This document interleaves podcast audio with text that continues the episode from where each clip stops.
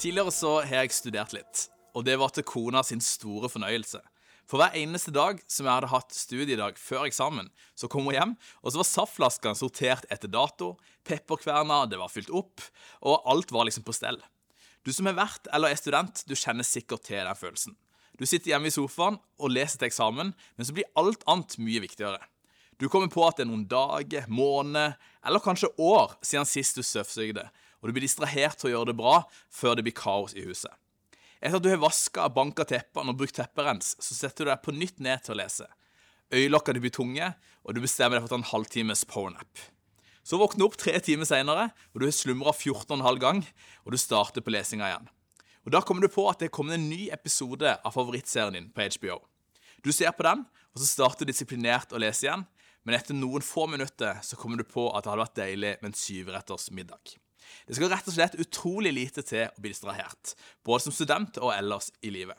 Det er utrolig hvilke ting som blir viktig for oss når vi nærmer oss eksamen eller andre viktige hendelser. Overskriften for det jeg vil snakke om i dag, er distraksjoner. Og Definisjonen på en distraksjon er at vi skifter oppmerksomheten vår fra noe som har større betydning, til noe med mindre betydning. At vi fokuserer på noe som er mindre viktig. Dette skjer både bevisst og ubevisst i livet vårt, og jeg er sikker på at du òg har kjent på den følelsen noen ganger. Og Før vi blir distrahert, både meg og deg, så har jeg lyst til å be en liten bønn for resten av denne preken. Tusen takk, Herre, for at du hjelper oss til å fokusere og samles rundt ditt ord. Jeg ber Herre om at dette budskapet skal hjelpe oss til å få blikket vårt festa på deg, du som er troens opphavsmann og fullender, så vi kan bli bedre kjent med deg og bedre kjent med hva du har for livene våre. Amen. Vi skal hoppe rett inn i en tekst fra Lukas kapittel 10. Der står det at da de dro videre, så kom han, altså Jesus, til en landsby der en kvinne som het Martha, tok imot ham i huset sitt. Hun hadde ei søster som het Maria, og Maria satte seg ned ved Herrens føtter og lytta til hans ord. Men Martha var travelt opptatt med alt som skulle stelles i stand. Hun kom bort til dem og sa, 'Herre, bryr du deg ikke om at min søster lar meg gjøre alt arbeidet alene?' 'Si til henne at hun skal hjelpe meg.' Men Herren svarte henne, 'Martha, Martha, du gjør deg strev og uro med mange ting, men ett er nødvendig. Maria har valgt den gode del, og den skal ikke tas ifra henne. Her ser vi at Martha tar imot Jesus, og da hadde hun sannsynligvis vært den som inviterte Jesus på besøk. Og Når du inviterer noen på besøk, så ønsker du at det er ryddig, og at det ikke er så mange hybelkaniner rundt deg. Jeg ser for meg denne spenninga i rommet idet Maria går fram og tilbake og rydder, og at hun prøver febrilsk å få øyekontakt med Maria for å gi et tydelig hint om at nå må hun òg hjelpe til. Litt sånn spenning kan det òg være hjemme hos meg noen ganger, når kona litt sånn diskré gir meg det som jeg kaller for blikket. Et blikk som jeg bare kan, jeg kan bare følge øynene hos henne, og så skjønner jeg med en gang hva det gjelder. Blikket som betyr at jeg skal komme meg ut på kjøkkenet og servere maten til gjestene våre, og dere slutte den samtalen jeg er i, og rydde et eller annet. Man forstår det med en gang når det blikket kommer. Og Martha her, hun var oppriktig bekymra for å ikke varte Jesus opp på en god nok måte. Hun trodde at hun gjorde det rette med å tjene, men for henne ble det en distraksjon fra det som var av større betydning. Og selv om vi gjør det som andre forventer oss, eller det vi forventer av oss sjøl, så er det ikke sikkert at det samsvarer med det som Gud forventer oss i en situasjon. Av og til så blir vi så travel med å tjene Gud at vi glemmer den Gud vi tjener. Vi blir distrahert. Vi blir distrahert fra å sitte med Jesus sine føtter. Vi blir mer opptatt av det vi gjør for Jesus, enn det han har gjort for oss. Kanskje blir vi også mer opptatt av å prøve å imponere Gud enn å la oss imponere ved alt det Jesus allerede har gjort ferdig for oss. Vi blir rett og slett distrahert. Derfor vil jeg snakke om fem ulike områder i dag der vi opplever å bli distrahert. Og Forhåpentligvis er du sånn som meg, at du har kjenne på noen distraksjoner iblant, og at vi kan få noe ut av dette sammen. Jeg vil starte med å snakke om å bli distrahert av mennesket. Nå skal vi gå inn i en tekst med en såkalt 18 pluss-label på. En litt drøy bibeltekst. Men det står i Guds ord, så vi skal ta og lese dette allikevel. Um, og litt sånn bakgrunnsstoff først. Så var det en uh, en gudsmann som kom fra Juda til Betel. Og Jeg syns ofte at det er litt vanskelig å forholde seg til folk uten navn, så vi kan for ordens skyld kalle han for Pål i dette eksempelet. I første kongebok kapittel 13 så leser vi om dette. Og Bakteppet her det er at en konge med det fine navnet Jeroboam han har holdt på med gullkalve og et avgudsalter. Gud bruker denne gudsmannen, altså Pål, til å rope ut mot alteret at det skal revne i to. Dette skjer, og kongens hånd den visner idet han prøver å få tak i Pål. Da spør han Pål om han kan be til hans gud for hånda hans, og det ender med at hånda blir frisk igjen. Og på dette punktet vi hopper inn i denne historien. Første kongebok kapittel 13 og vers 7-10. Siden sa kongen til gudsmannen, bli med meg hjem og få noe å styrke deg på, så vil jeg også gi deg en gave. Men gudsmannen svarte kongen, om du ga meg halve huset ditt, vil jeg ikke bli med deg. På dette sted vil jeg verken spise brød eller drikke vann, for slik lød Herrens befaling da han talte til meg. Du skal verken spise brød eller drikke vann, og ikke vende tilbake den veien du kom. Så tok han en annen vei, og han dro ikke hjem igjen den veien han var kommet til Betel. Denne gudsmannen, eller Pål, han fulgte de instruksene som han hadde fått fra Gud. Men så møtte han en eldre profet etter hvert. Og Denne eldre profeten distraherte han, og han løy til han, og det endte med at de gikk tilbake til dette huset til den eldre profeten og spiste og drakk.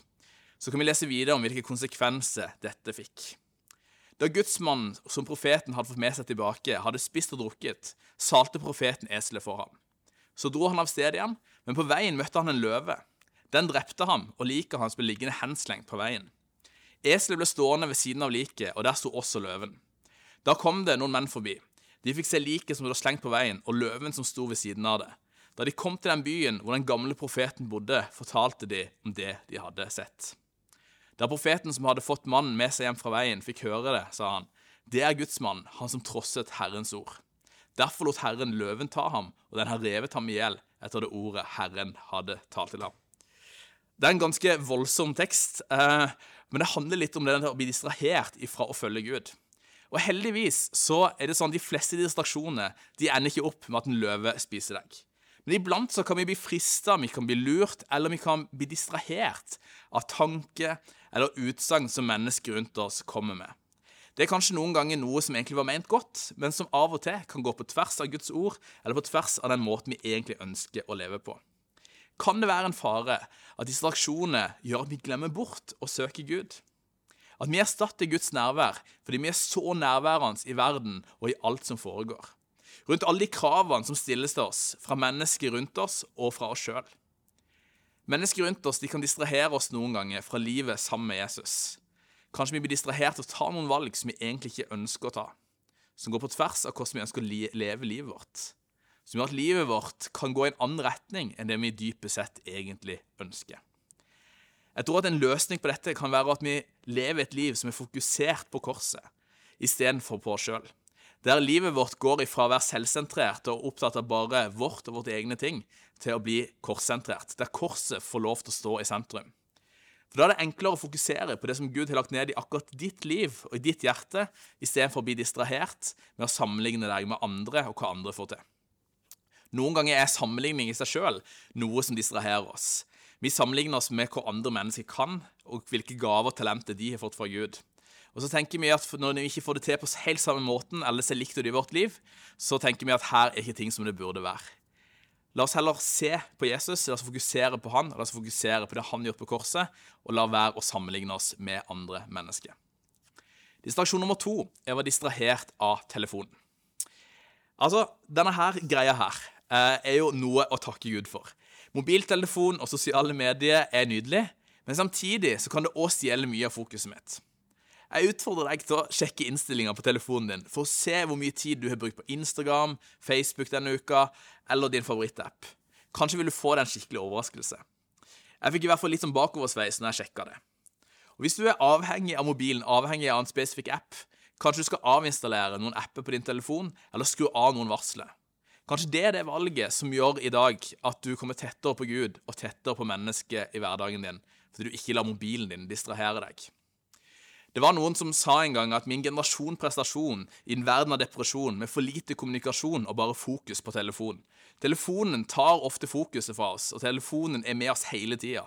Det er studier som viser at man trykker på telefonen ubevisst mange hundre ganger i løpet av en dag. Og Man kan fort få litt abstinense hvis ikke telefonen er rett rundt, eller hvis den ligger til lading noen få minutter. Telefonen har det i oss at den fort kan distrahere oss. I Galaterbrevet snakker Paulus om åndens frukt. Eller du kan kalle det godteri, hvis du liker det bedre. Um, jeg bytta ut alle ord med frukt i Bibelen med godteri og potetgull, for det syns jeg smaker mye bedre enn frukt. Så det er et gratistips. Men det er snakk om at kjærlighet, glede, fred, tålmodighet, vennlighet, godhet, trofasthet, ydmykhet og selvkontroll er åndenes frukt. De tingene som både kjennetegner Jesus sin karakter og personlighet, men som òg kjennetegner oss som tror. Ting som skal produseres som frukt og komme ut av et resultat av oss ut ifra at vi blir mer og mer lik Jesus. Men det han nevner med selvkontroll, det er kanskje en av de fruktene som på mange måter kan si mye om mobilkontrollen vår. Kanskje selve definisjonen på om vi har selvkontroll i 2023, er om du har mobilkontroll. Om du klarer å styre det på en god måte. Kanskje trenger vi òg iblant selvkontroll for å kunne oppleve at livet vårt er fylt med de andre fruktene.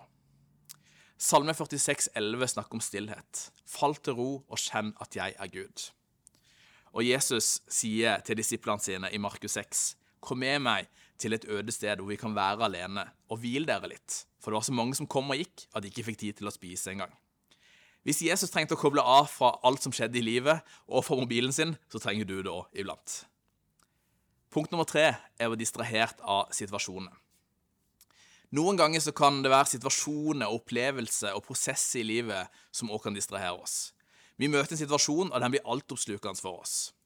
Kanskje går du gjennom dødsskyggens dal, som David snakker om i Salme 23, men vi er ikke meint å bli værende der og sette opp telt, og ikke la det distrahere oss. Hensikten med livet ditt er større enn å bli tatt fast i en spesifikk situasjon.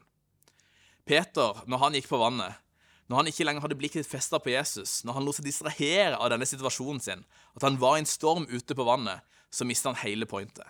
At med å feste blikket på Jesus, så kunne han gå på vannet, det samme vannet som i den stormen nesten slukte han. Så vi kan la være at situasjoner og sesonger gjør at vi mister blikket på Jesus.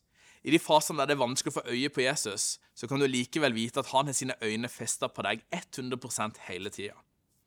Noen ganger kan det nesten være litt sånn at man ikke aner hva man skal gjøre. Man går gjennom noe som er så vanskelig, og der livet virkelig er tøft mot oss. Og så er det noe med å møte livet sånn som faktisk livet er, og ikke sånn som vi skulle ønske livet var. Noen ganger kan den forskjellen være ganske stor.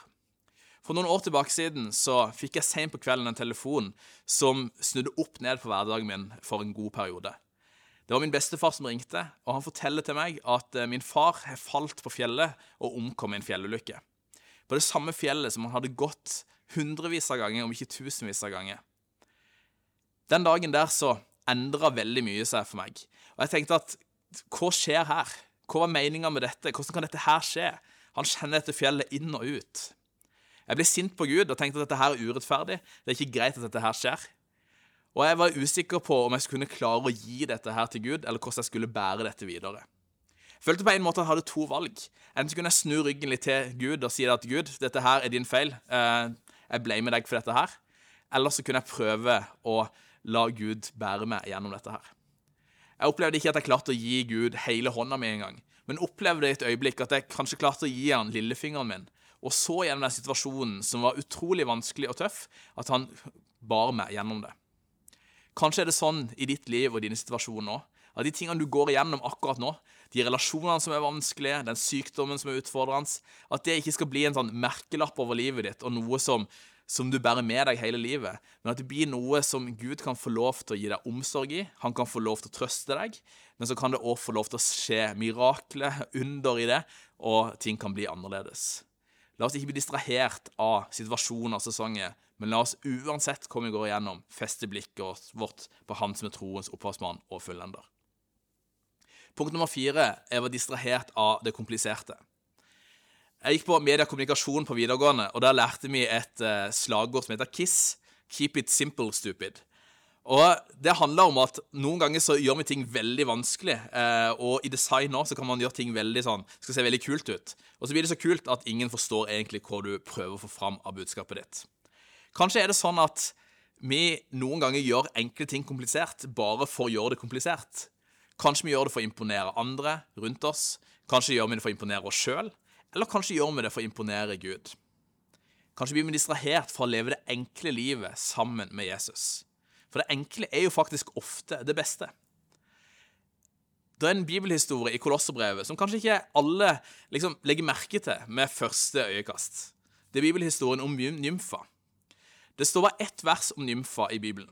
Det er ikke hun som blir invitert liksom, til talkshow, det er ikke hun som får masse oppmerksomhet eller masse kreds, men det står ett enkelt vers. Kolosserne 4,15 sier 'Hils våre søsken i Laudikea', og nymfa og menigheten som samles i hennes hus. Hun åpna huset sitt og viste mennesket Jesus på den måten. Og er på den måten en viktig kirkeleder som helt enkelt bare åpna inn, inviterte inn, sa velkommen hjem, men det betydde en forskjell. Det er det som er kirke. Det er det som er livet med Jesus. At det enkle og det ordinære det møter en overnaturlig Gud. Jeg tror med hele mitt hjerte at Gud kan gjøre mer med det ordinære som jeg har i hendene mine, enn det ekstraordinære som jeg prøver å tvinge fram i egen kraft. Til og med Jesus han brukte iblant de tingene han hadde for hånda, til å gjøre et mirakel. I Johannes 9 så er det en mann som er født blind. Jesus han tar litt jord i hendene, og så spytter han i det, og så smører han dette på mannen sitt ansikt. Hashtag ansiktsmaske. Spyttet ble ofte sett på som å ha en helbredende effekt på denne tida, og det ble ofte brukt som ingrediens i medisiner. Vi får jo håpe at det ikke er sånn nå lenger. I hvert fall så bruker Jesus det han har for hånda, men han bruker også noe som samfunnet rundt ham forstår på en annen måte enn det vi kanskje tolker det til i dag. I dag tenker vi kanskje at spytt er noe nedverdigende. Og Det anbefales jo som regel å følge Jesus et eksempel, men akkurat i dette tilfellet vil jeg kanskje si at det kan bli litt ubehagelig for deg. Men Jesus sier her til mannen at han skal gå ned i dammen og vaske det av, og så gjør han det, og plutselig så kan han se igjen. Skal vi lese sammen disse reaksjonene som kommer etter det? Naboene og de som før hadde sett at han var tigger, sa da, er ikke dette han som satt og tigget? Noen sa at det var han, andre sa nei, han bare ligner. Men han selv sa det er meg. Hvordan ble øynene dine åpnet, spurte de. Han svarte, en som heter Jesus laget til leire og smurte på øynene mine, og sa, gå til Siloadammen og vask deg. Jeg gikk dit, og da jeg hadde vasket meg, kunne jeg se. Hvor er denne mannen, spurte de. Jeg vet ikke, svarte han. Dette er en ganske sånn sci-fi-historie. Det er ganske heftig, for det er noe som er overnaturlig og rått, og så er det noe av det overnaturlige som møter det enkle. Tenk om vi kan komme med vårt enkle oss, det vi bringer med oss, det vi har i hendene, hjertet og hodet vårt, og når det blandes i en blender med Guds overnaturlige kraft, da kan menneskeliv forvandles. Da kan arbeidsplasser forvandles, da kan byer forvandles, og vi forvandles og våre venner forvandles. Det er noe med den kraften som ligger i koblinga av det enkle og det overnaturlige, av det naturlige og det guddommelige. Mitt siste punkt i dag handler om å være distrahert til Jesus. Det høres en sånn selvmotsigelse ut når jeg snakker om at distraksjoner er at man holder på med noe viktig, og så blir de distrahert til noe som er mindre viktig. Dette er den eneste type distraksjonen som på en måte er en positiv distraksjon å ha. En slags gudgitt distraksjon. Når man holder på med noe som er mindre viktig, og man blir distrahert på en måte som gjør at man hører Guds stemme, eller at det kommer en motivasjon fra innsida til å være til velsignelse for noen rundt oss. Det er en stor forskjell på de distrahert fra Jesus, som er å ta ett steg bort, eller distrahert til Jesus, som er et steg mot han. Og Jeg står takknemlig for at på videregående så var det to venninner av meg som ble distrahert av Gud til å be for meg. Og De gikk ikke rundt og sa til meg heller at David, vi ber for deg hver kveld. Du er det siste vi tenker på før vi sovner, så folder vi hendene våre og ber om at du skal bli kjent med Jesus. Men de sa til meg etterkant at de bar for meg. Og På denne tida så gikk jeg rundt og tenkte på hva er egentlig meninga med mitt liv? Er det noe dypere å leve for? Fins det noe mer enn hamburger, kebab og cola å leve for? Er det noe større mening med livet mitt? Disse venninnene begynte å invitere meg med til, til et ungdomsmøte. Og Jeg var med på dette ungdomsmøtet i denne kirka ganske mye. Gikk der uke etter uke. Og jeg synes var helt ærlig at de kristne der de var veldig rare. Noen hadde hendene i været under lovsangen, eh, noen var veldig gira. Og jeg tenkte at disse her folkene de trenger hjelp. De trenger en slags avkristning på en klinikk eller et eller annet, for disse her er litt mye, de er litt voldsomme. Men så var det et eller annet med de folkene som var der. Det var et eller annet med Abel og Benjamin og de fleste av de kristne navnene. Det var et eller annet med dem som bare var attraktivt. Og jeg tenkte at Hvis det er de bærer med seg, hvis det er Jesus, da vil jeg òg bli kjent med ham. Så jeg tok en sjanse på det, inviterte Jesus inn i, inn i, livet mitt, og ble på mange måter distrahert av Gud òg. Eh, ble poka litt eh, på skuldra til å ta den avgjørelsen og til å ta en bestemmelse om å følge han. Og det var virkelig med på å forvandle mitt liv. Og Jeg tror noen ganger at disse distraksjonene kan være viktige for oss. De gangene vi er på et sted, men virkelig trenger en distraksjon fra Jesus til å ta et annet valg, til å gå i en annen retning, til å gjøre, gjøre noen gode valg for livet vårt. Det kan faktisk være med på å forvandle vårt liv. Og hvis vi forvandler vårt liv, så kan det også forvandle andre mennesker sine liv. Det er noen ganger sånn med distraksjoner, og det blir distrahert til Jesus, at vi noen ganger tenker på andre ting. Vi er helt inne i et eller annet og opptatt med noe som i den store sammenhengen ikke er super, super viktig. Og En gang på en konferanse så, så var jeg litt der at jeg hørte på litt undervisning og tenkte ikke så mye på hva dette betydde for livet mitt. Men så følte jeg at det var én tanke som satt igjen etter en preken der. En veldig enkel tanke på mange måter, men som samtidig ble noe som jeg bærte med meg videre i livet. Og tanken var dette her. At hvis alle bønnene mine blir besvart, vil det forandre bare meg sjøl, eller forandre det verden? Kanskje vi iblant blir så selvopptatte at vi ikke involverer andre behov i bønnene våre, eller at vi slutter å vise Guds kjærlighet til mennesker rundt oss. Kanskje trenger vi å bli distrahert av Gud i vårt travle hverdagslige liv for å forvandle verden istedenfor bare oss sjøl.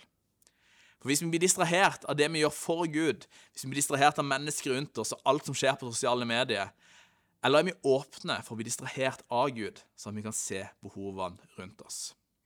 Jeg vet ikke med deg, men jeg kjenner i hvert fall at jeg blir distrahert veldig ofte. Jeg blir distrahert i store ting i livet, men ofte er det de små tingene som jeg kan kjenne en distraksjon på. En forstyrrelse som noen ganger kan gå utover fokuset mitt og hvor jeg har blikket mitt festa. En situasjon som blir vanskelig, noe som blir altoppslukende, eller noe som noen sier som gjør litt mer med dagen min enn jeg skulle like å innrømme. Jeg har lyst til å si til slutt, før vi skal be sammen, at noen ganger når vi snakker om distraksjoner, så kan det være at hele løsninga er ikke bønn til Gud. Noen ganger er kanskje det òg en praktisk respons som trengs.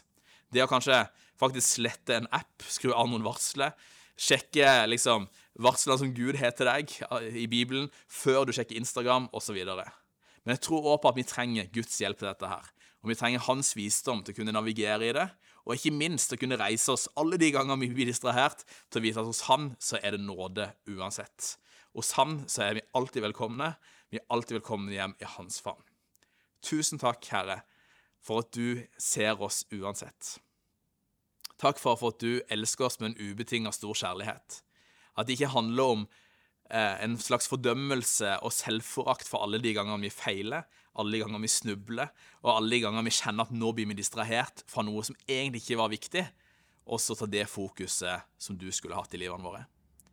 Vi ber Herre om hjelp til å se de tingene som vi kan endre sjøl. De praktiske endringer vi kan gjøre, de praktiske responser vi kan gi på dette budskapet. Men så ber vi òg om din hjelp, Herre. Vi ber om hjelp til å være etterfølger av deg i 2023. Vi ber om at resten av denne sommeren nå skal være en tid der vi får lov til å bli bedre kjent med deg, får lov til å tilbringe tid med deg, og får lov til å se enda mer av hvilke ting du har for livene våre.